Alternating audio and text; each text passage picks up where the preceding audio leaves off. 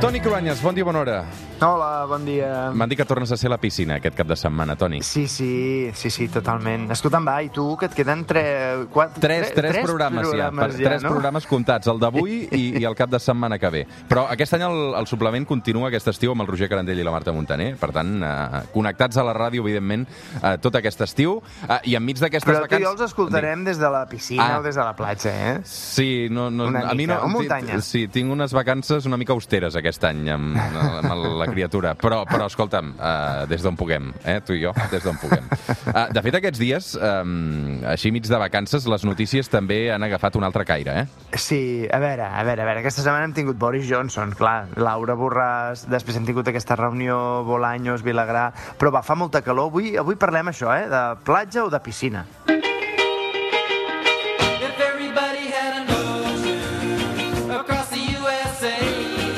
Comencem amb els Beach Boys, tot un clàssic, per parlar d'una peça de roba. Avui una altra història, mirem el passat amb una peça de roba precisament per anar a la platja que ha tingut tota una història. Mira, és que aquesta setmana ha fet 75 anys d'això, una peça de roba molt d'estiu, el biquini.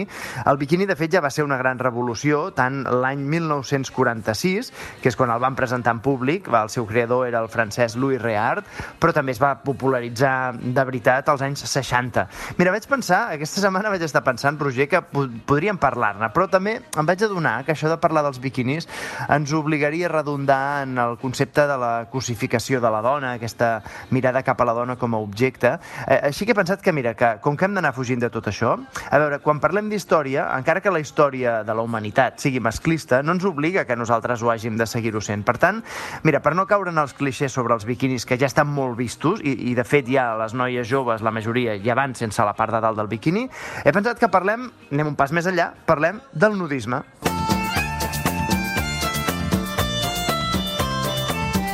De fet, el, el nudisme, Toni, a dia d'avui eh, mm, és a dir, està molt normalitzat i acceptat, però té aquell punt revolucionari encara, no?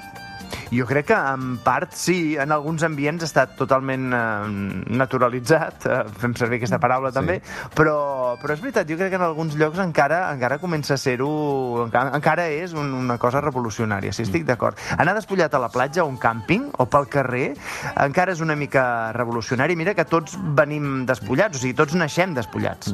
De fet, la pregunta potser l'hauríem de fer al revés. Eh, L'important no és des de quan la gent es despulla, sinó des de quan la humanitat es posa roba per banyar-se.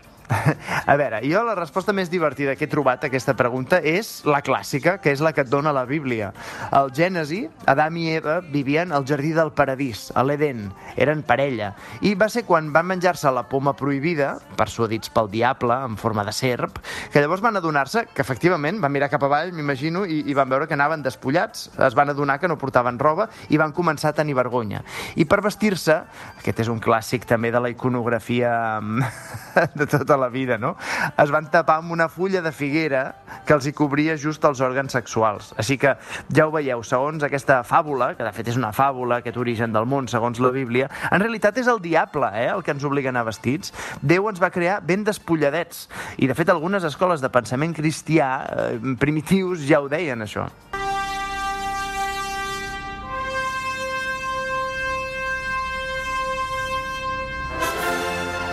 Clar, aquí Adam i Eva eh, ens cauen molt lluny. En aquest cas, l'origen del nudisme, mm, d'on ens ve, Toni? A veure, el nudisme, també ho dèiem abans, se li diu naturisme, i és que neix en plena revolució industrial. Eh, L'objectiu dels naturistes era tornar a l'ordre natural, que és el que ens hauria robat les fàbriques, les grans ciutats, la producció en massa. El naturisme lluita ideològicament contra la destrucció del planeta i contra la perversió de la natura. La nuesa física s'entén com una regeneració física i moral que van lligats a portar una vida sana, fer esport, estar en contacte amb la natura. Eh, Així és com ho veien els primers naturalistes del segle XVIII. Avui en dia pot anar lligat també als moviments ecologista i també al vegetarianisme. També moviments llibertaris per fugir de les convencions i, i de les lleis socials. I quan es va fer popular el nudisme? A finals del segle XIX. És sobretot en el tombant de segle, eh, i entrant al segle XX.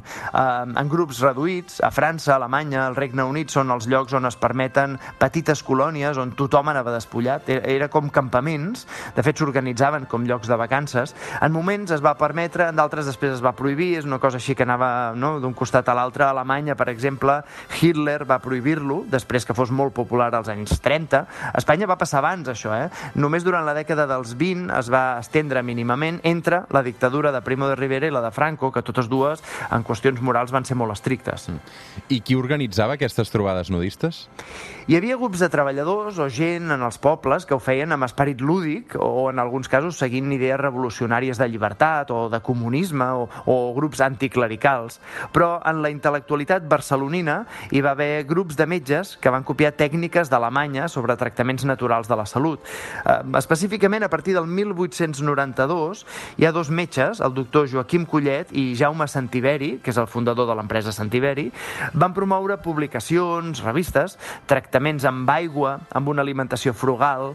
Es va crear la Societat Hidrològica Mèdica de metges que eh, treballaven en balnearis o l'Institut Hidroteràpic de Barcelona. Tots promovien viure despullats, eh, promovien també el tractament amb aigua freda, fort, així com una manera de, no, de, de que el cos eh, fes anar la sang, aigua freda i dietes vegetals. I es van començar a introduir els cereals, el tipus de cereals que avui recordem. De fet, eh, ja era el doctor Kellogg's, el de la marca de, dels cereals, que, que de fet avui encara trobem als supermercats. És més fàcil tirar-me la bona vida. És més fàcil tirar-me la bona vida. És més fàcil tirar-me la bona vida. Un pasito pa'lante com la Maria. Eh! Avui arribem a les 9 a Moques Grasses, que parlen precisament en aquesta cançó de La bona vida, Bye Bye, es titula.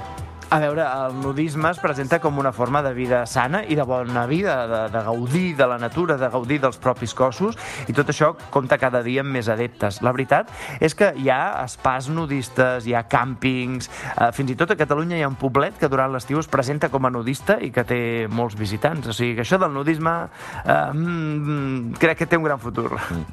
Toni Cruanyes, tu de nudisme en fas o no a les platges?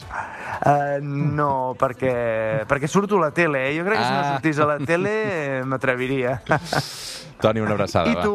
Jo alguna vegada sí, en unes platges d'aquestes que no hi ha gaire gent, sí. Sí, sí. Uh, Francesc Mauri em fa. Uh, sempre hi ha l'anècdota aquella que Francesc Mauri es va trucar... És que això ho hem explicat 78.300 vegades a la ràdio, eh? però Francesc Mauri es va trobar amb Artur Mas. Uh, el que passa és que Artur Mas anava vestit i Francesc Mauri anava despullat.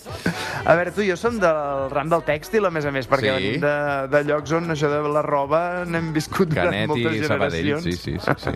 Però sí, treure's la roba de tant en tant s'ha de fer. Toni, una abraçada, cuida't. Vinga,